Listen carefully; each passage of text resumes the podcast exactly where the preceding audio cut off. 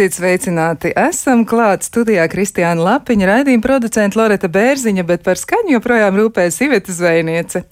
Šodien runāsim par to, vai pirkt un tērēt būtu labāk, vai tieši otrādi vajadzētu ietaupīt un krāt. Un esam aicinājuši studijā arī uh, cilvēkus, kuri, nu, diezgan labi orientējas finanšu jomā un arī citās lietās. Un proti studijā pie mums ir Anna Fišera Kaļķa, kas ir bankas Citadela meitas sabiedrības Atklātā pensiju fonda pārstāv un arī eh, AAS, jeb akciju sabiedrība, ja tad sanāk un eh, CBL, jeb uh, meitas uzņēmums Citadels bankai, tātad CBL Life valdes priekšsēdētāja. Sveicināti!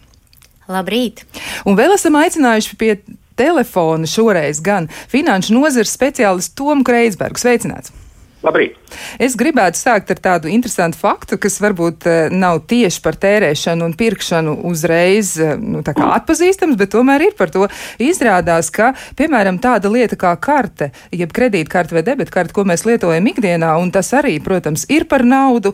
Pirmo reizi šo jēdzienu par kartes izmantošanu pirkumiem lietoja Edvards Belamīs. Viņš to aprakstīja savā utopiskajā romānā, skatoties atpakaļ, un tas bija 1887. gadā. Belamīs šajā romānā 11 reizes lietoja terminu kredītkarte.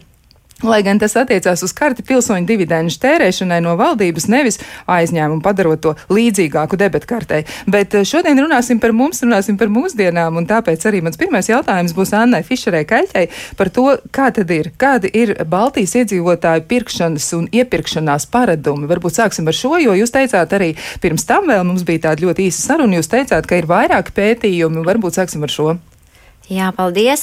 Tik tiešām dotajā brīdī Baltijas valstī arī Latvija atšķirās ar savu iepirkšanas gan spējām, gan jaudu.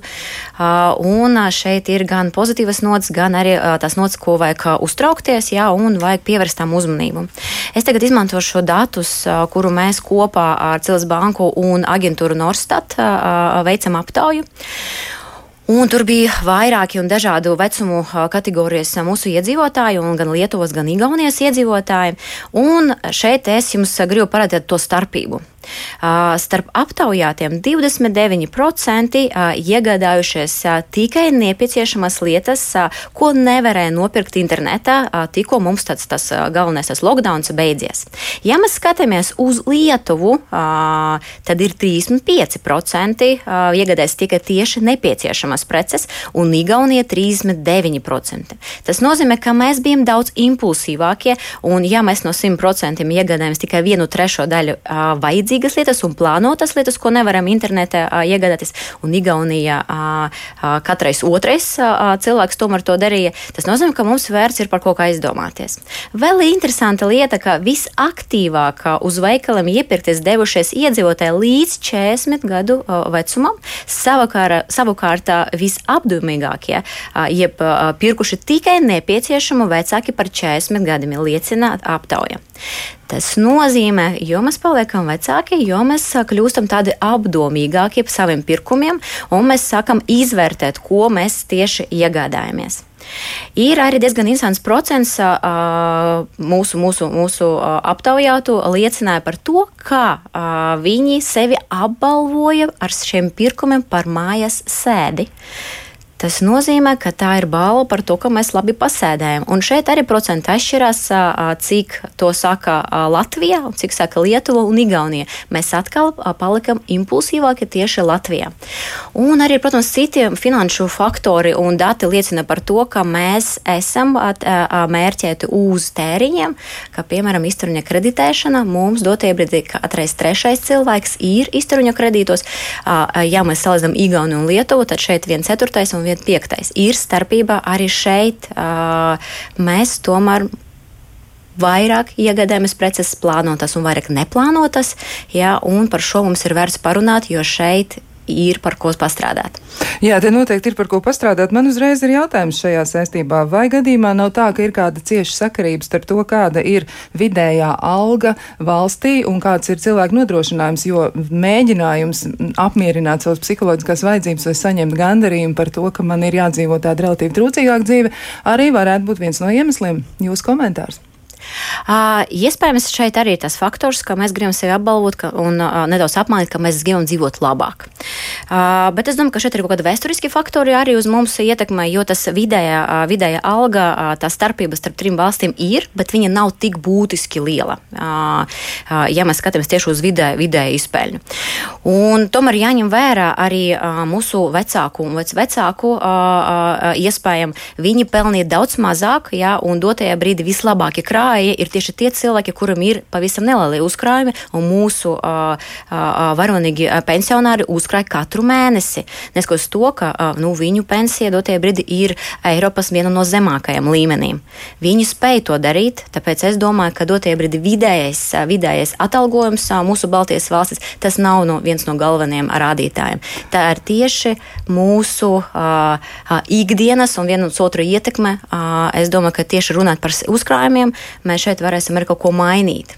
Jā, nu, daža laba banka ir tikusi izglābta ar pensionāru palīdzību. Jājautā arī e, Tomam Kreitsbergam, ko viņš domā par to, kā tas ir. Jo, e, nu, gribētu dzirdēt arī komentāru par to, vai tiešām tā varētu būt, ka e, iepriekšējās paaudzes spēja uzkrāt varētu būt saistīta ar tādu apdomīgumu. Varbūt, tas ir saistīts vēl ar citiem faktoriem. Kreitsberga kungs, kā jums tas izskatās? Jā, nē, nu, man liekas, tie ir divas dažādas lietas, ko var apskatīt. Lielos vilcienos jāpiekrīt, ka es arī esmu saskāries uh, pensiju jomā, strādājot un vienkārši finanšu kursus vadot ar diezgan daudz uh, stāstiem par, par pensionāriem un cilvēkiem gados, kuriem ir mazi ienākumi, bet no tā paša mazumiņa spēja atlikt un tur vairākus tūkstošus laika gaitā uzkrāt. Tāds fenomens reāli ir. Uh, un cilvēki, kuriem varbūt ir dzīves pieredze un attieksme, ka uh, jādzīvo taupīgi un jāatliek, jāskatās nebaltai dienai, viņi spēj to izdarīt arī ar maziem ienākumiem. Uh, klausoties tieši konkrētos datus par, par šo brīdi, uh, un kuri cilvēki saka, ka viņi ir pirkuši tikai vajadzīgo vai kaut ko citu, man būtu interesanti salikt šo kopā ar aptauju par attieksmi pret Covid. Uh, Jo nu, man, piemēram, eh, doma, ka gados vecāki cilvēki man, mazāk staigā uz veikaliem, pirkt nevajadzīgās lietas, loģiski iet kopā arī ar to, ka gados vecāki cilvēki ir eh, veselības ziņā uzmanīgāki un tāpēc liek, eh, lieki nestaigā uz veikaliem. Tā kā, man liekas, te ir viens, ir, kas tieši ir pandēmijas efekts un kā tas strādājas. Un, un otrs ir tas vispārīgais jautājums, kur, protams, jā, nu, tas, ka mēs aktīvi izmantojam, piemēram, ātros kredītus, tā ir problēma ar vai bez pandēmijas. Jā, ātriem kredītiem noteikti ir arī tādas tālajošas, nopietnas sekas. Nu, patiesībā jau cilvēku finansiālais stāvoklis ar vien pasliktinās. Kreitsbergs, kā jums izskatās, nu, no jūsu viedokļa raugoties, kas ir tas galvenais pamudinošais faktors cilvēkam izvēlēties ātro kredītu un nepadomāt par to, kas notiks nākotnē, jo patiesi tas varētu arī būt nu, diezgan. Nu, ja tas ir spontāns lēmums, tas tiešām varētu arī finansiāli ļoti, ļoti negatīvi atspēlēties uz cilvēku. Uh, jā, nu, jā, jāsaka, godīgi, mana pieredze ir, vai izpratne ir labāka par to, uh, kāpēc daudzos gadījumos cilvēki neieslīgst atrast kredītos, nekā tiem gadījumiem, kuros ieslīgst. Es tad cilvēkiem, kas, kas ņem šos kredītus, ikdienā nestrādāju. Uh, no otras puses, tas, ko es redzu, arvien, arvien vairāk ir cilvēki, kuri veido uzkrājumus, un es viņiem strādāju. Un tur man liekas ļoti svarīga tā psiholoģija, kas cilvēkiem palīdz atturēties no ātriem kredītiem ir, um, kad cilvēki sāk apzināties to ciklu, kurā tas var ievilkt. Jo, ja mēs paņemam ātrā kredītu, uh, parasti jau cilvēki ņem ar domu, cik es saprotu, ka viņi varēs atmaksāt. Nu, tur tās summas neveidos varbūt tik lielas, un, un pienāks tur tā mēneša beigas vai kas periods, un varēs atmaksāt. Bet tas, kas notiek statistiski paredzami diezgan bieži, ir, ka gadās kaut kas negaidīts dzīvē. Un gadās lielākas izmaksas vai, vai samazināts ienākumu un nav iespējams atdot. Un tad sākās tas cikls, ka ir jāņem vēl un, un aug procentu un tā tālāk. Un tas ir tas cikls, kas cilvēks var aizvien dziļāk ievest nabadzībā. Jo, jo tu nespēji atmaksāt, un tev paliek aizvien lielākas parādu saistības. Un tas, un, ja cilvēks sāk apzināties, ka tāds risks pastāv, tad viņi sāk apzināties, ka ir jāveido drošības spilvens, ka nevar dzīvot no algas līdz algai, jo viens negadījums, viena problēma tev var iegrūst kaut kādā šajā negatīvajā ciklā. Un tā kā viņi veido drošības spilveni, tad jau viņiem vairs drīz ātrāk kredītu nevajag, jo ir drošības spilvens, no kurienes paņemt. Tā, tā, tā ir tā psiholoģija, liekas, par kuras ir vērts strādāt, apzināties, ja, ka tu esi ļoti atkarīgs no viena nelaimes gadījuma, no vienas kaut kādas problēmas, lai tevi ietītu nabadzībā, un tāpēc vismaz drošības spilveni jāizveido. Tagad cilvēks to izprot, tad jau viņš ir daudz, daudz labākā pozīcijā. Tas ir ļoti labi, jā, tā, par to būtu vērts padomāt, bet uh, vēl noteikti ir arī nu, vēl kādi dati, jo pētījums nav tikai viens, ir arī vēl citi veikti, un kas vēl ir noskaidrots par, par mums pašiem, ko tad mēs vēl darām, jo mēs nos, noskaidrojam arī to, ka jā, ka Latvijas iedzīvotāji savā ziņā ir bijuši mazliet spontānāki, un arī attiecībā uz nepieciešamo preču iegādi tur procents atšķirs, ja viena trešā daļa, jeb pat Jā, nu, tā aptuveni sanāk, ja viena trešā daļa vai mazliet mazāk. Bet eh, kas vēl, kas vēl ir jauns par mums pašiem? Jā, runāt par uzkrājumiem. Mūsu, pats mūsu finoterapija, kuru aizpilda mūsu klienti un ne mūsu klienti, mēs varam veikt tādus arī pētījumus. Un iziet no šiem datiem, mēs skaidri redzam, ka 27% aptaujotu nav nekādu uzkrājumu. Vidēji 25% uzkrājums nauda vai noritne kontu nepārsniedz 1000 eiro. Ja mēs runājam par tām galvenām rekomendācijām, drošības pilnas, par ko tik, tikko mēs runājam, ir nepieciešams veikt trīs vai pat sešas algu apmēra noliekot maliņā. Un tikai pēc tam mēs sākam dot par ilgtermiņu uzkrājumu. Tas drošības pilnas ir nepieciešams katram cilvēkam, kurš sāk pelnīt naudu. Tad dotie brīdi šeit mēs arī esam tāda nepietiekama, nepietiekama uzkrājuma lieluma.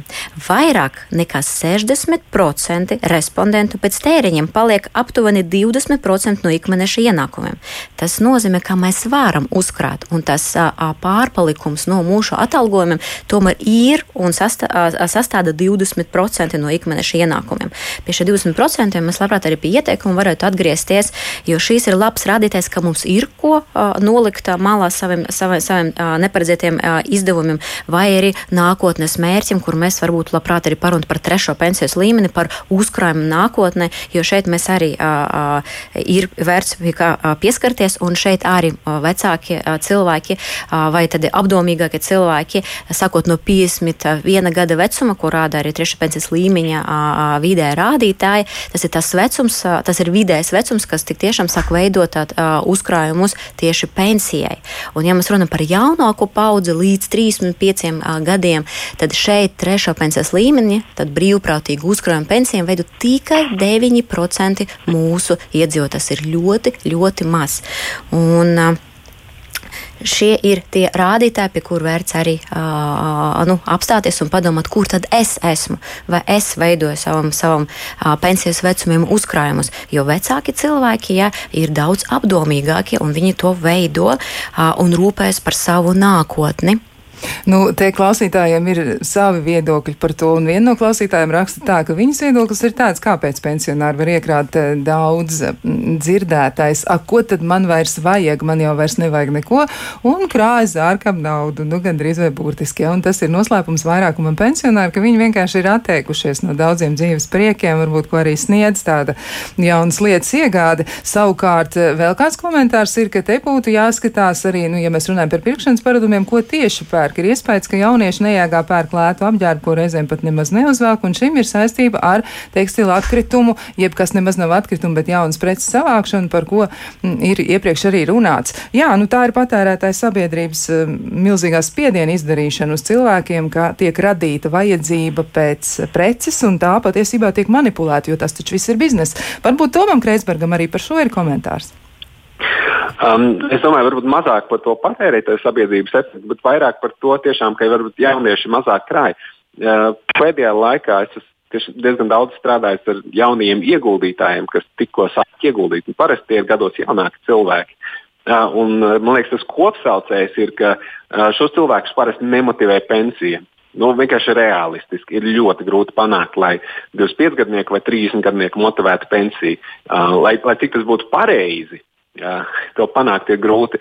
Uh, bet uh, cilvēks motivē, piemēram, domā, ka uh, nopirks savu māju vai dzīvokli sakrās tam, vai kad aizsāks savu biznesu, vai vienkārši ka iegūs lielāku brīvību. Vārds brīvība to lieto visbiežāk ja, jaunāki cilvēki. Viņi grib lielāku brīvību dzīvē, strādāt, kur grib, kā grib, cik daudz grib dzīvot, kur grib un tā tālāk. Un, ja mēs varam izmantot šos motivatorus, tas var labāk motivēt jaunus cilvēkus. Tas ir viens. Un otrs, cilvēkiem ir ļoti grūti, tīpaši jauniem cilvēkiem, nu, tiešām jā, pensionāram atteikties, pateikt, ka man jau neko nevajag un samazināt izdevumus. Tas, kas ir vieglāk, ir, ir censties ambiciozi celt ienākumus, tad attīstīt sevi, meklēt labāk apmaksātu darbu, un tad tajā brīdī, kad ienākumi ceļas, uzreiz necelt pēriņus, bet novirzīt kaut kādu daļu uzkrājumam. Tā kā arī domājot par nu, gados jaunākiem cilvēkiem, kā, kā sev palīdzēt iekrāt, var, varbūt nemēģināt tik ļoti sēdēt, sēdēt uz sausiņiem un tur kuponus griezt, lai atlaides dabūtu, jo tas parasti jauniešus nemotivē. Bet domāt, okay, kā es varu celt savu vērtību darba tirgu, piemēram, kā es varu pelnīt vairāk, un tad apņemties, okay, kad man ienākumi celsies, es vismaz pusi no pieauguma, piemēram, novirzīšu uzkrājumiem, nevis tēriņiem. Un tas var palīdzēt arī gados jaunākam cilvēkam, jau sāk veidot uzkrājumus un negaidīt tikai līdz pirms pensijas gadiem. Tā ir ļoti jauka lieta, bet no otras puses ir pietiekami daudz profesiju, bez kurām mēs nekādi nevaram iztikt, un tur celt savu um, vērtību gan materiālā, gan arī citā veidā būs diezgan sarežģīti, un tādu cilvēku būs gana, un patiesībā jau lielākā daļa sabiedrības būs šādi, jo, nu, visi nenodarbojas ar privātu biznesu vai nestrādā iestādē, kur ir pietiekami liels atalgojums, kur varētu tā ļoti brīvi ar līdzekļiem rīkoties. Kā tad uh, tikt galā šiem cilvēkiem, kuriem līdzekļi tomēr ir ierobežoti? Tom? Jā, nē, nu, pirmkārt, uh, pilnīgi neapšaubām, it īpaši valsts sektorā ir daudz, da, daudz profesijas, kas mums ir ļoti nepieciešams un kur šīs um, uh, algas mobilitātes ir ierobežotas. Protams, mēs runājam par uh, māsām, slimnīcās, par uh, skolotājiem, par veselu virkni citiem, citām profesijām. Uh, un šis patiešām ir viens no lielajiem izaicinājumiem. Tīpaši cilvēkam, kurš grib darīt labu darbu, bet panākt, lai arī viņam par to samaksā. Jā, un šeit ir divi risinājumi. Viens ir individuālā līmenī, un otrs ir valstis, valstiskā, jeb sabiedrības līmenī. Individuālā līmenī tas ir, ja cilvēks ir ambiciozs, es, piemēram, gribu mācīt, vai es gribu strādāt medicīnā, bet es gribu pelnīt vairāk. Nu, pašais vienīgais reālais ceļš tam individuālam cilvēkam, ko es redzu, ir skatīties rīķiem, varbūt arī meklēt privātās struktūras, kur tu vari darīt to, ko tu dari, bet pelnīt vairāk. Bet tas, protams, nestrādā masveidā. Uh, un masveidā, nu šeit mēs izējām no pašreizējās tēmas, tā jau ir politika. Bet jā, masveidā, protams, manuprāt, ir jāorganizējas un jācīnās masveidā, ko jau no skolas, gan skolotāji, gan citi mēģina darīt. Nu, ar valsti ir jārunā tāpat kā ar darba devējiem, jāspiež uz, uz, uz ienākumu celšanu, lai tas būtu konkrēts veids ar privāto sektoru. Bet te mēs aizējām politikā, tas nav šodienas temats. Jā, nu skaidrs, bet tomēr visiem cilvēkiem būtu jāmēģina atbildēt uz to jautājumu, pirkt vai tērēt, ja kā tad ir, un tās iekšējās izjūtas noteikti ir saistīts arī ar algas apjomu, tas ir pilnīgi skaidrs. Bet atgriežoties pie pensijām un eh, pie pensiju, nu tādiem plāniem, arī Annai Fišerai Kaļķē izskatījās, ka ir kaut kas piebilstams par to, kā tad ir, jo jaunieši, kā teica Kreitsbergungs, nu viņi domā par to, kā celt māju, ko tad darīt tālāk, kā attīstīt eh, savu, varbūt tiešām privāto biznesu, bet kā, Kā ir vēl ar citiem iemesliem? Kāpēc ir tik ļoti kūtri ja, cilvēki attiecībā uz pensiju plānu tālāk attīstīšanu? Mm -hmm. Es gribēju vēl uh, nedaudz uh, papildināt uh, par jauniešiem, jo jaunieši ir ļoti dažādi, un mēs tagad arī redzam to tendenci, ja es drīkstu tieši par jauniešiem, ka jaunieši nedomā ilgtermiņa, domā īstermiņa. Tāpēc dotajā brīdī tās platformas, kriptovalūtas platformas, ko mēs sakam novērot, ļoti attīstās, un par to tas ir vispār atsevišķs tās un atsevišķi raidījums, ko mēs varam par to parunāt.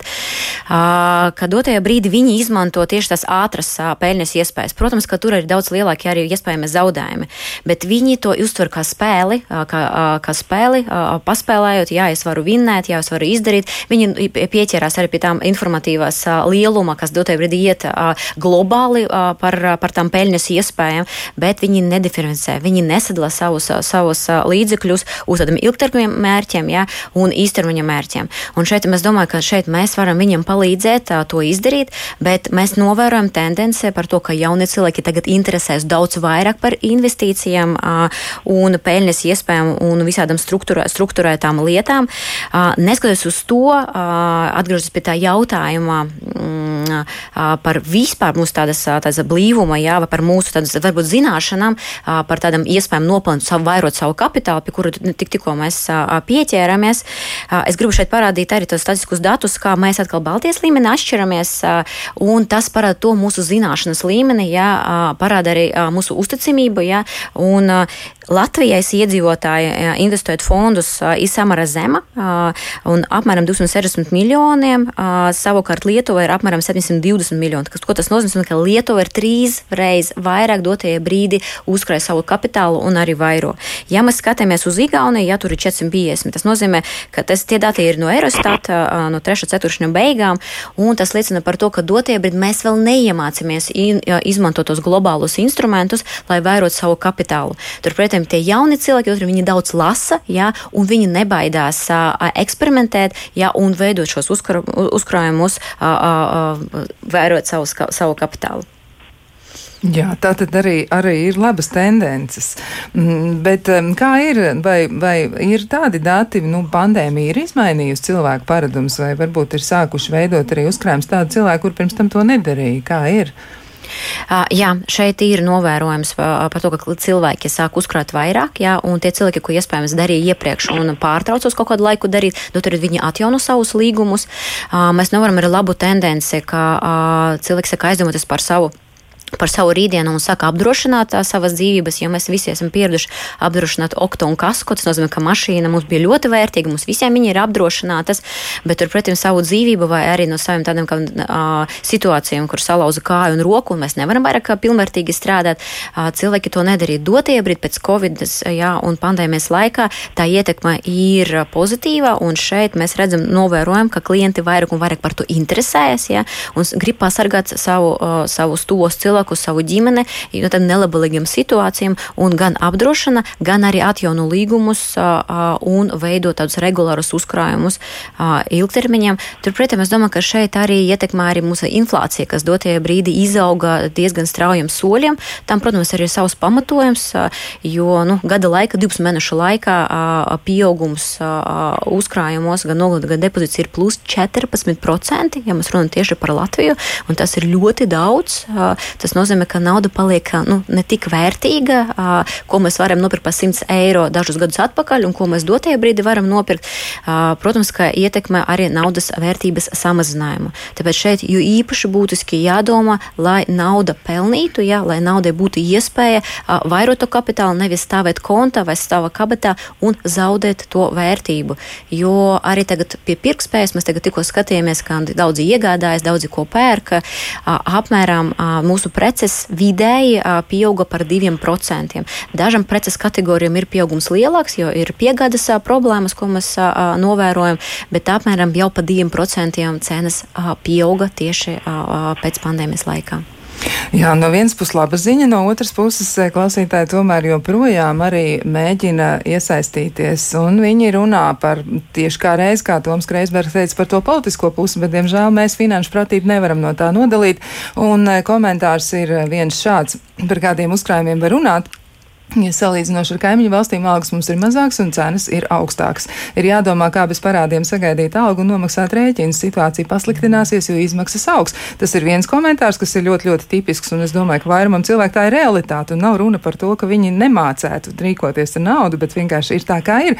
Un vēl viens komentārs, kas arī ir ļoti, ļoti skarbs, bet tāds, un tas ir par kādiem uzkrājumiem var runāt, ja bankas un citas finanšu institūcijas visus uzkrājumus noēd, jā, un tāda ir nenormālā infra, inflācija, tas ir klausītāja izteikums protams, un vēl arī Nu, par eirozonu, jā, un, un par pieaugumu 4,7% pēdējos 30 gados ir arī daudz krīzes, un par enerģiju, apkuri, pārtiku, jā, ka cenas burtiski eksplodē vai pat reizēm divkāršojas. Un tad ir arī daudz citas lietas, dažādi veidi līguma slēgšana, jā, dažādām saistībām uz noteiktu laiku, piemēram, divi gadi, ja telekomunikācijas un tā tālāk, un arī par akcijām, jā, ka arī tur ir ļoti daudz dažādu sarežģījumu. Nemaz tik vienkārši tā situācija neizskatās. Bet eh, varbūt eh, Kreisberg kungam viss kaut kas piebilstams arī par finanšu pratības pieaugumu. Vai mēs to jūtam vispār? Nu, kādi ir novērojumi par jauniem cilvēkiem? Es saprotu, ka tāda situācija ir labāka, bet kā ir ar cilvēkiem, kas ir nu, mazliet tuvāk?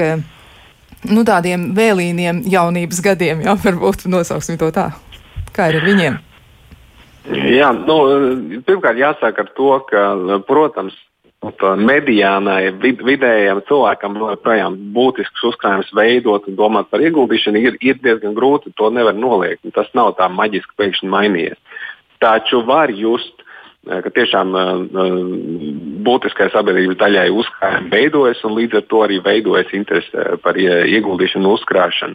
Tāpat tās, kad es vādu ieguldīšanas treniņus, aizvien vairāk ir interesējis cilvēki. Un, jā, varbūt vairāk gados jauni, bet ir arī 50 gadnieki un 60 gadnieki, pat kāds 70 gadnieks, kas domā par mazbērniem vēl un, un, un bērniem un krāju interese veidojas. Uh, runājot, komentējot nedaudz par inflāciju un to, vai bankas noēda naudu, uh, inflācija Latvijā, cik mums pēdējos 20 gados cenas ir aptuveni dubultojušās. Tas ir 20 gadu laikā, tas ir 3,5% gadā. Nav tā, ka tā ir milzīga inflācija uz vēsturiskā fona, tā ir diezgan tipiska inflācija. Tā parāda, kāpēc ir vērts ilgtermiņā ieguldīt. Jo, ja mēs krājam, piemēram, 20 gadus, un tad ļaujam naud, naud, naudai pazaudēt vērtību, tas, protams, nav pārāk forši. Uh, Kas ir ļoti laba ziņa, es pats esmu bijis viens no tiem, kas ļoti daudz kritizē bankas par augstu komisiju līmeni, par to, ka grūti ieguldīt, tāpēc ka produkti ir dārgi. Un daudzos nostūros vēl joprojām tā ir. Da, dažādi produkti ir dārgi. Taču it īpaši pēdējos gados arī Latvijas bankas piedāvājas vien vairāk zemu izmaksu ieguldīšanas produktus, gan pensiju plānus, gan ieguldījumu fondus, kas ir pieejami tirgu jau ar izmaksām zem 1%, pat zem 0,5% gadā. Tā kā nu, pēdējos gados beidzot, beidzot ir kustība un ir ko izvēlēties gan no dažādām bankām, gan no nebanku spēlētājiem. Tiem cilvēkiem, kuriem veidojas uzkrājumi, arī šeit Latvijā ir iespējams ieguldīt. Un, protams, ar ko es strādāju ikdienā, ko mēs trenējam cilvēkus, Um, daudz arī izvēlas vienkārši piekļūt Eiropas ieguldījumu produktiem, kas arī no Latvijas var būt pieejami un ir ar zemām izmaksām. Tā kā tās iespējas ir cilvēkiem, kaut kādam cilvēku segmentam rodas tie uzkrājumi, ir iespējami viņi to dara. Protams, vēl ir ilgi jāstrādā, lai plašākai sabiedrībai tas būtu pieejams un, un mēs to izmantotu. Um, jā, tā tad arī to liekam aiz auss visādas iespējamās eh, variācijas ja, dažādiem produktiem. Droši vien arī ir jālūkojas, kur tad ir izdevīgāk un kā tas izskatās ilgtermiņā.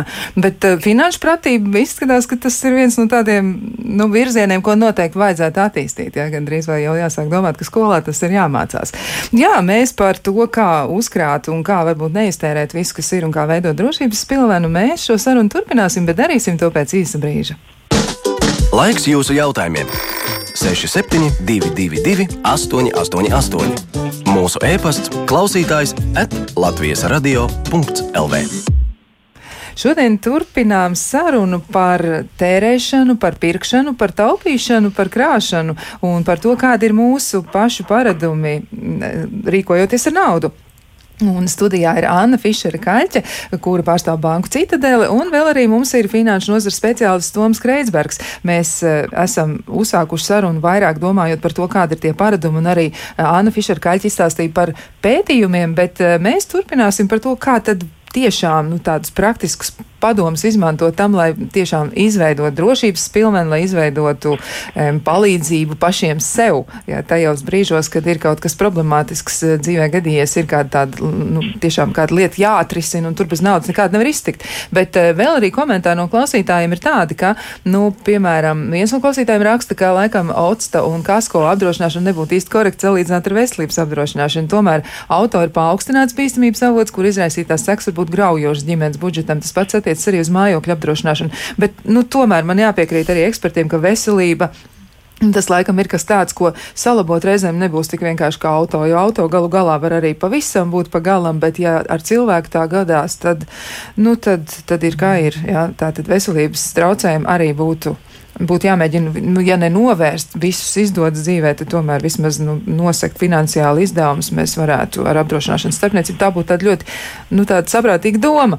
Bet, ja, es varbūt, man Toms grib pie... Jā, par šo ir viens komentārs. Man liekas, ka ir ļoti svarīgi nošķirt uh, dzīvības apdrošināšanu un, piemēram, um, um, jā, tiešām nelaimes gadījumu apdrošināšanu, kas var rezultēties invaliditātē, un šādu smagu traumu apdrošināšanu, kas tiešām var radīt tādas sekas, kas ģimenē ir nenosacāmas savādāk. Manuprāt, šis ir kritiski svarīgi, ko, par ko, ko vajadzētu padomāt. Es to sāku domāt, tad, kad man uzrādījās bērni. Uh, ja tev, piemēram, ir divi mazi bērni, varbūt vēl uh, sieva vai vīrs uh, kopja bērnus, ja kā kurā ģimenē, un ar tevi kaut kas notiek, nu, par to gadījumu, man liekas, ir ļoti vērts padomāt. Un, un tas ir vēl augstāks risks nekā ka kaut kas notiks ar mašīnu. Tas, vai ir nepieciešama ikdienā veselības apdrošināšana, kur uh, tur aiziet pie zobārsta, var uh, potenciāli lētāk vai tam līdzīgi, to katrs var debatēt. Tas atkarīgs no turības līmeņa, veselības stāvokļa un daudziem citiem faktoriem. Bet uh, tādas lielas lietas, tiešām dzīvība un, un, un nelaimes gadījumi, nu, par to būtu vērts padomāt, ja cilvēkam ir uh, apgādājumi, kuriem, kuriem ir svarīga tā situācija. Nu, tā tad apdrošināšanas variants arī mēs izvēlamies. Un arī tāpat zobārstniecība nav jau lēts prieks, jo dažam labam cilvēkam tiešām tas varētu būt ļoti, ļoti sarežģīti, un apdrošināšana šajā gadījumā palīdz. Un izskatās arī, ka Latvijā nu jau parādās iespēja apdrošināt veselību arī privāti. Ja? Tā tad to var izdarīt katrs cilvēks atsevišķi. Nav tā, ka tikai un vienīgi kā bija kādreiz, ka iestāde to darīja. Bet uh, vēl jautājot arī par uh, pensijām, ja, un arī par to Nu, nākotnes vīziju, kā tad uh, ir ar, ar uh, nu, arī tas pats salīdzinājums ar kaimiņiem bija, bet kā tad ir ar mums pašiem? Nu, kā mums varbūt mēģināt paskatīties uz to pensiju veidošanu, uzkrāšanu vai nākotnes plānošanu, kā mums paskatīties uz to tādā nu, pozitīvākā veidā, ja, jo ļoti daudziem cilvēkiem ir nu, tāda negatīva priekšstata par to. Varbūt uh, Anna, Anna varētu komentēt. Jā, es ieteiktu paskatīties uh, uz savu nākotni, kādu pensiju es gribētu. Protams, ka ņemam vērā to inflāciju, ko mēs šeit pieminējam, bet nu, ko es gribu? Jā, lai mani bērni mani uztur, ja tādi ir, lai viņi man palīdzētu, vai es dotajā brīdī saviem aizītē no pensijas varētu nopirkt. Es domāju, ka katrs mēs apmēram saprotam savu dzīves līmeni un ko, kuru mēs gribam saglabāt. Dotajā brīdī izveidot vairāki kalkulatori, kur ieiet mājaslapā, var izkalkulēt, kādu pensiju man dotajā brīdī būs, ja es neko nedarīšu papildus. Un, ja es gribu tomēr sasniegt to dzīves līmeni, uh, kāds man dotajā brīdī ir, ko man vajag darīt, ar kādiem regulāriem maksājumiem, ko es varu sasniegt nākotnē. Tur, protams, arī ir aprēķināts iespējamas peļņas iespējas, ņemot vērā vidējo, kas dotajā brīdī ir. Un tas arī palīdz mums sataustīt to mūsu pensijas vecumu un kāds, kādu labklājību mēs gribam a, a, sajust. Es gribu tomēr arī papildināt a, par, par to dzīves apdrošināšanu un tam visām iespējām. Šeit gan mē, mēs varam sevi apdrošināt, jā, un pasargāt sevi un savus tuvus cilvēkus, bet arī uzņēmumi, jo šeit es zinu, ka arī vairāki uzņēmēji klausas. Es zinu, ka ir tādi uzņēmumi, kur ļoti rūpēs par savu, saviem, saviem darbiniekiem, jā, un gan gribat noturēt savus speciālistus un profesionālus un rūpējas arī par viņus nākotnē, ja gadījumā ar viņiem kaut kas notiek. Arī šeit ir iespēja, kā mums, kā uzņēmējiem, padomāt par saviem darbiniekiem un apdrošināt viņu vai no nelāmes gadījumiem, tā pašam tam invaliditātam lietām, ko pēc tam nevar labot, vai arī nu, pavisam no bēdīgam, bēdīgam aspektiem. No jūsu komentāriem cilvēki raksta par to, ka nu, nav ko uzkrāt, ja, un dzīvot no algas līdz algai. Es gribētu šeit vienu rekomendāciju no savas puses iedot. Katrs pirkums, ko mēs veicam veikalā, vai pārtikas veikalā, vai drēbi veikalā, vai vienkārši pērkot kafiju, pirms katra pirkuma jāpadomā, vai šis pirkums dotajā brīdī ir manas investīcijas, mana labklājība. Piemēram, ja mēs pērkam žaketi, un arī tas, šī žaketa mums palīdz atrast jaunu darbu un pelnīt vairāk, tas ir investīcijas. Ja mēs arī pērkam konfektes, ja, un iztērējam naudas līdzekļus konfektēm, iepriekš uzdot šo jautājumu, vai šīs konfektes dotajā brīdī ir investīcijas, mana veselība, nu, laikam tikko piemēta zobārsta, laikam mēs vairāk iztērēsim tur. Tad ir vērts padomāt par to, ko tieši mēs pērkam, ieejot veikalā. Kad mēs arī ieejam veikalā, ir laba lieta, ir saraksts cik tas interesanti neskanētu, jā, bet arī turīgi cilvēki un apdomīgi cilvēki un tieši izmanto šo, ar kādu mērķi es eju uz veikalu un ko tieši es gribu iegādāties, jā, un kādi tie našķīši, bet arī viņa investīcijas ir mana veselība. Pirms katra, katra pirkuma lūdzu padomu par to. Brīžam mēs atnākam uz veikalu, mēs ieraugam divas žaketes, un nevaram izvēlēties. Jā, jā, iespējams, tagad ir atlaide, un mēs arī uz to uzķeramies. Nu, kāpēc nepaņemt uh, pa, daž, pa 20 eiro tās žaketes? Bet padomājiet, viena žakete jūs nesāsiet, un viņi jums veidos investīcijas, un jūs pelnīsiet un iesiet uz darbu. Otra žakete iespējams tajā emocionālā, emocionālā brīdī, kuru jūs izdarījat, viņi dotie vienkārši karāsies jūsu, jūsu skapī un neveidos jums un nevairos jūsu kapitālu. Tad mana rekomendācija pirms katra, katra pirkuma, pat tā ir kafija padomāt, vai tas ir investīcijas jūsu veselība, vai tas ir investīcijas jūsu labklājība. Un dotie brīdi šo īstenībā Eiropa pat māca skolā bērniem domāt par kapitālu, kāds ir mans dotie brīdi kapitāls, kā bērnam arī viņam ir kapitāls, kāds man dotie brīdī, kādu es gribu sasniegt kapitālu un kas ir tie pirkumi. Tāpēc katrs pirkums ir investīcija mūsu labklājībā. Lūdzu, padomājiet par to. Tas ir labs veids, kā uz to raudzīties, bet arī no klausītājiem turpina pienākt ļoti, ļoti tieši skarbi un ļoti tādi, nu, es teiktu, ar tādu sāju piegaršu tie komentāri ir un balstīti noteikti arī uz pieredzi. Un viens no tādiem ir arī diezgan tipisks, ko tad darīt tiem, kuriem vairs nav iespēja programmēt savu pensiju, tiem, kuru pensiju uzkrājumi ir palikuši pagātnē, jeb tā saucamajos padomu laikos. Nu, ko tad, varbūt Kreitsbergs, ko var ieteikt, ko tad darīt cilvēkam, kurš jau ir tiešām gados un nevis tā iemesla dēļ, viņam varbūt ir kāds uzkrājums, eh, ka viņš neiet nekur un neko nepērk, bet nu, mm, viņam, viņam varbūt ir nu, vēl kaut kādas iespējas mazliet palielināt to savu iespēju, nodrošināt sevi arī tālāk uz priekšu, jo tas noteikti nav, nu, tā, nu, par to domāt nav, nav viegli, ja, ka man ir tik naudas, cik ir, un iespējams, ka nākotnē būs vēl mazāk. Ko tad darīt? Jā, nē, nu, ko es eh, negribu liekuļot un tagad mēģināt izdomāt kādu gudro risinājumu, kā mēs ar, ar vienu padomu tagad uh, liksim Latvijas pensionāriem dzīvot labāk. Nu, diemžēl mēs visi zinām, ka mums vidējā pensija Latvijā ir zema uh, un ir uh, ļoti daudz pensionāru, kas, protams, zem vidējās pensijas saņem, un, un cilvēki tiešām dzīvo ļoti trūcīgi ar zemiem ienākumiem. Uh, un man tam nav risinājums. Tas, tā ir valsts problēma. To ar kaut kādu vienu gudru padomu ēterā mēs nekādā veidā nevaram, diemžēl, risināt. Skaidrs, tā tad eh, nekā iepriecinoša, atliek tikai tad domāt par to, kā tad rīkoties ar tiem pieejamajiem naudas līdzekļiem. Nu, vēl arī ir tā, ka um, par um, apdrošināšanu arī vien, nu, viens no komentāriem ir, kas ir ar tādu, nu, arī apzīmējums ir kritiski svarīgi, jā, ka uh, ar veselības apdrošināšanu vai dzīvības apdrošināšanu tas, ko nodrošina Latvijā, salīdzinot ar Rietumu Eiropu, kā klausītāji raksta, kaķim ir zem astes, jā, jo Rietumu Eiropa apdrošinātājs skatās uz to, lai tas apdrošinātais pēc uh, tam spētu, nu, pēc iespējas dzīvot labāk, jā, bet Latvijā, piemēram, attiecībā uz medicīnas pakalpojumiem apdrošinātājs īsti tā neraugās, jā, bet tikai, nu, lai varētu samaksāt par kaut kādu medicīnas pakalpojumu. Nu, katrā ziņā e, tur arī e, nav, tad, nu, kā klausītāji novēro, nav ilgspējīgs tāds veselības uzlabojums, ja vai arī tas skatījums atšķirs. Nu, tas varētu būt arī viens no iemesliem, kāpēc. E, Kāpēc cilvēki to reizēm pat neizvēlas? Bet, eh, ja mēs runājam par to, nu, kā tad uzkrāt un kādi varētu būt tie praktiskie padomi nu, cilvēkam, kuram varbūt tomēr ir iespēja to darīt, eh, kā tad to izdarīt eh, nu, tiešām tādā tiešā praktiskā veidā. Bet pirms mēs vēl atbildam uz šo jautājumu, ir kāds klausītājs zvans. Sveicināt, mēs klausāmies! Ziniet, es tādā sakarā runāšu pēc pieredzes, un man ir ļoti grūta pieredze ar apdrošināšanas kompānijām. Mans vīrs bija apdrošinājis savu veselību un pēkšņi saslima ārzemēs, vajadzēja operēt. Un apdrošināšanas kompānija Gensidine pie, pie, pilnīgi un galīgi atteica meklēt visādas iespējas atteikt, lai nebūtu jāmaksā. Man ir zudusi uzticība. Nu, re, kā zudusi uzticība. Tā tad ir arī nelāgi piemēri, kur cilvēks ir eh, mēģinājis kaut ko lietas labā darīt, un, diemžēl, viņš ir saskāries ar šo te. Bet kā tad varētu būt tās negatīvās pieredzes ietekme uz eh, nu, tālākiem lēmumiem, un kā tad pretoties tam visam, vai ko mēs varam likt pretī, un kā mēs varam tomēr izsināt to visu? Varbūt šoreiz jautāšu Annai Fišerai. Mm -hmm, paldies. Uh, ir tā, ka grūti komentēt tieši šo komentāru, jo tā situācijas ļoti dažādas. Uh, svarīgi, pir, uh, svarīgi pirms apdrošināšanas uh, arī savam apdrošinātājam atklāt visas savas, savas lietas, kas dotri ar veselību ir, un nenoslēpt. Jo mēs arī ievērojam, ka ir cilvēki, kuri nu, ir jau kaut kas iestājas, kaut kādas, kaut kādas nu, diezgan nopietnas, nopietnas lietas, un viņi tagad grib sevi apdrošināt. Tad par šo vajag obligāti apdrošinātājiem stāstīt, jo mēs jebkura gadījumā par to uzzināsim, un kad tas fakts iestāsies, tad dotajā brīdī mēs nevarēsim sniegt to palīdzību, jo mēs neizvērtējam riskus pirms mēs slēdzam līgumu. Tas nozīmē, ka jābūt atklātām pret apdrošinātu, ja kaut kas notika.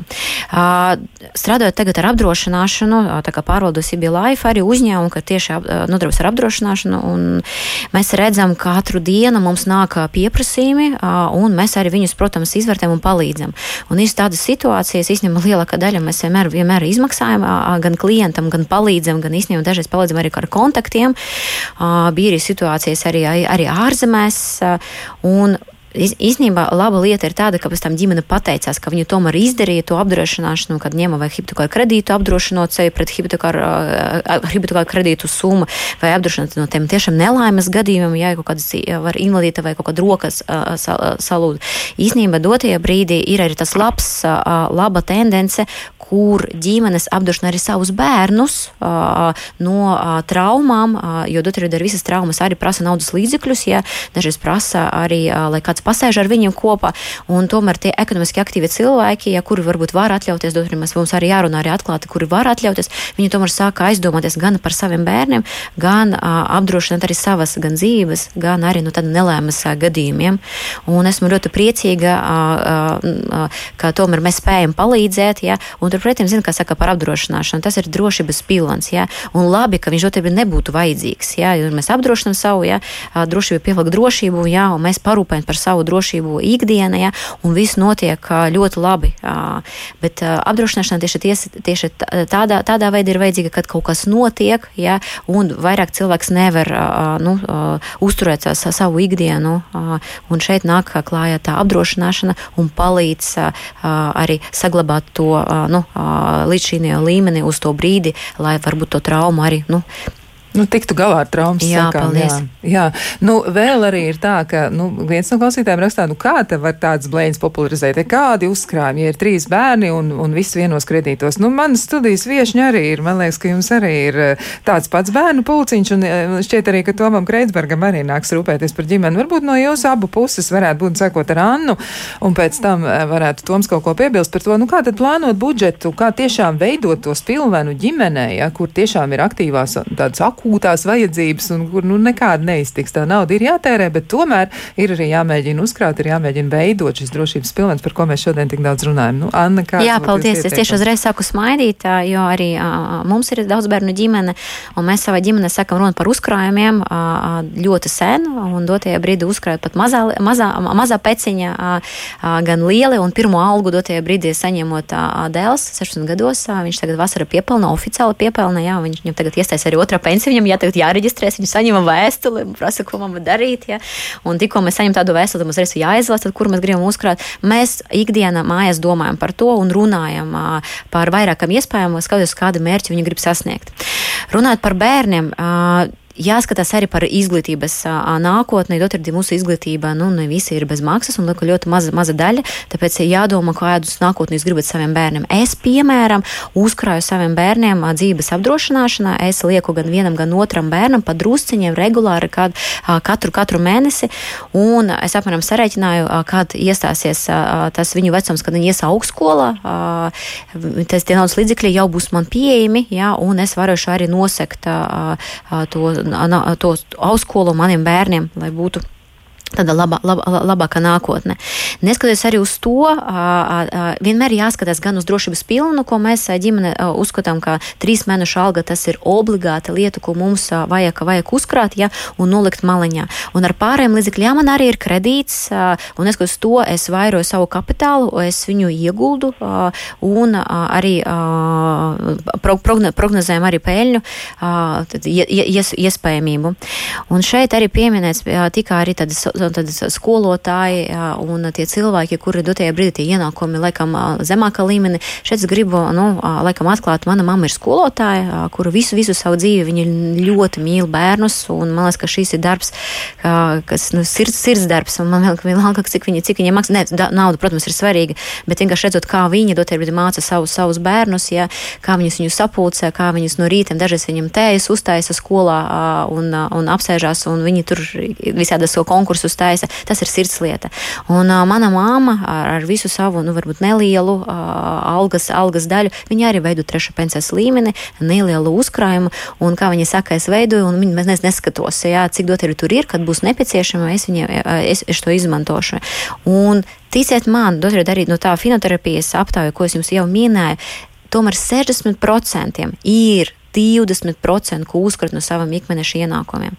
Un šeit mēs atkal atgriežamies pie globālās tendences jautājumiem, ko arī es iesaku saviem bērniem un uh, saviem, saviem kolēģiem. Iepriekš, kaut ko dažus gadus atpakaļ, mēs teicām, ka vajag nu, 10% no savas algas atlikt, piemēram, nopelnījām 100 eiro, 10 eiro nolikam maliņā. Dotajā brīdī, no inflācijas, no visiem pārējiem instrumentiem un, un, un iespējām, Tagad minimālais, ko vajag nolikt no saviem ienākumiem, ir 20%. Un tas ir, darbie klausītāji, ir minimums. Tas nozīmē, ka nopelnījumi 100 eiro, ja 20 eiro jānoliek saviem īstermiņa un ilgtermiņa mērķiem. Gan pensija, gan varbūt neparedzētiem izdevumiem. Un tad jūs esat pasargāti. Kad cilvēks ir pasargāts, tad viņš nepelk. Tas varbūt arī tas nelēmas. Kā mēs dažreiz sakam, nauda pievilk naudu, parādi pievilk parādus. Tad es esmu par to, ka mēs varam uzkrāt 2 eiro, 5 eiro, noliekat maliņu, varbūt nenopirkat to kafiju, ja, vai, to, vai to lieku saldumus, uzklā, uzkrā, uzkrājot, ja, un atrast instrumentus, ko arī mēs ar finoterapiju, piemēram, LV, varam atrast jums labākus instrumentus, kā lai vairot to kapitālu pat no mazākiem līdzekļiem, vienkārši pamēģiniet.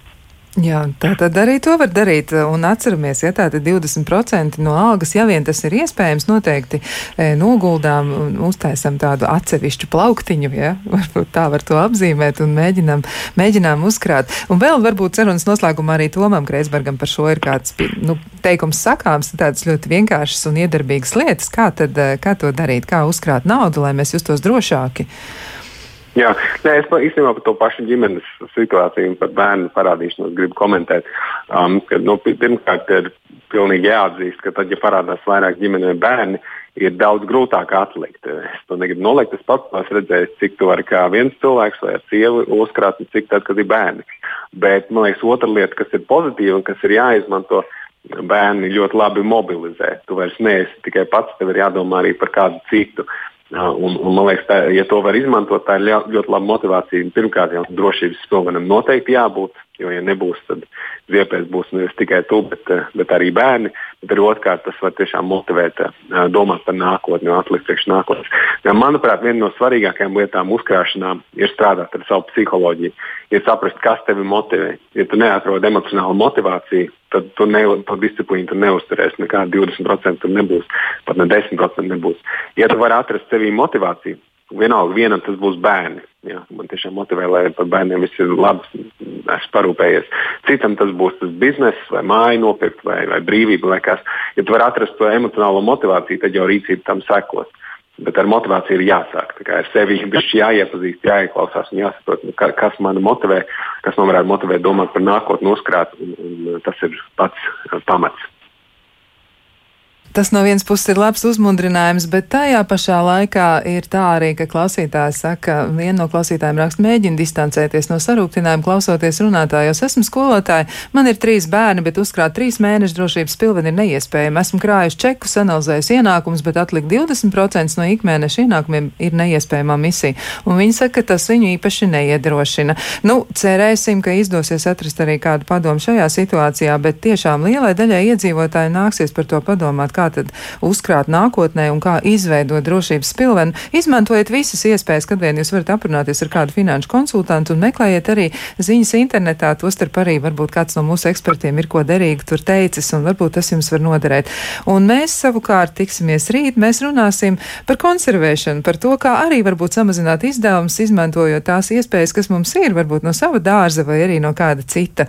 Ar jums kopā bija Kristiāna Lapiņa, studijā savukārt bija eksperti Anna Fišera Kaļķa Kaļķe un finanšu speciālists Toms Kreisbergs, bet mēs, mēs tiksimies rīt. Savukārt jums novēlu apdomājiet, varbūt šajā dienā izdodas atrast vēl kādu risinājumu savām problēmām. Visu labu! Kā labāk dzīvot?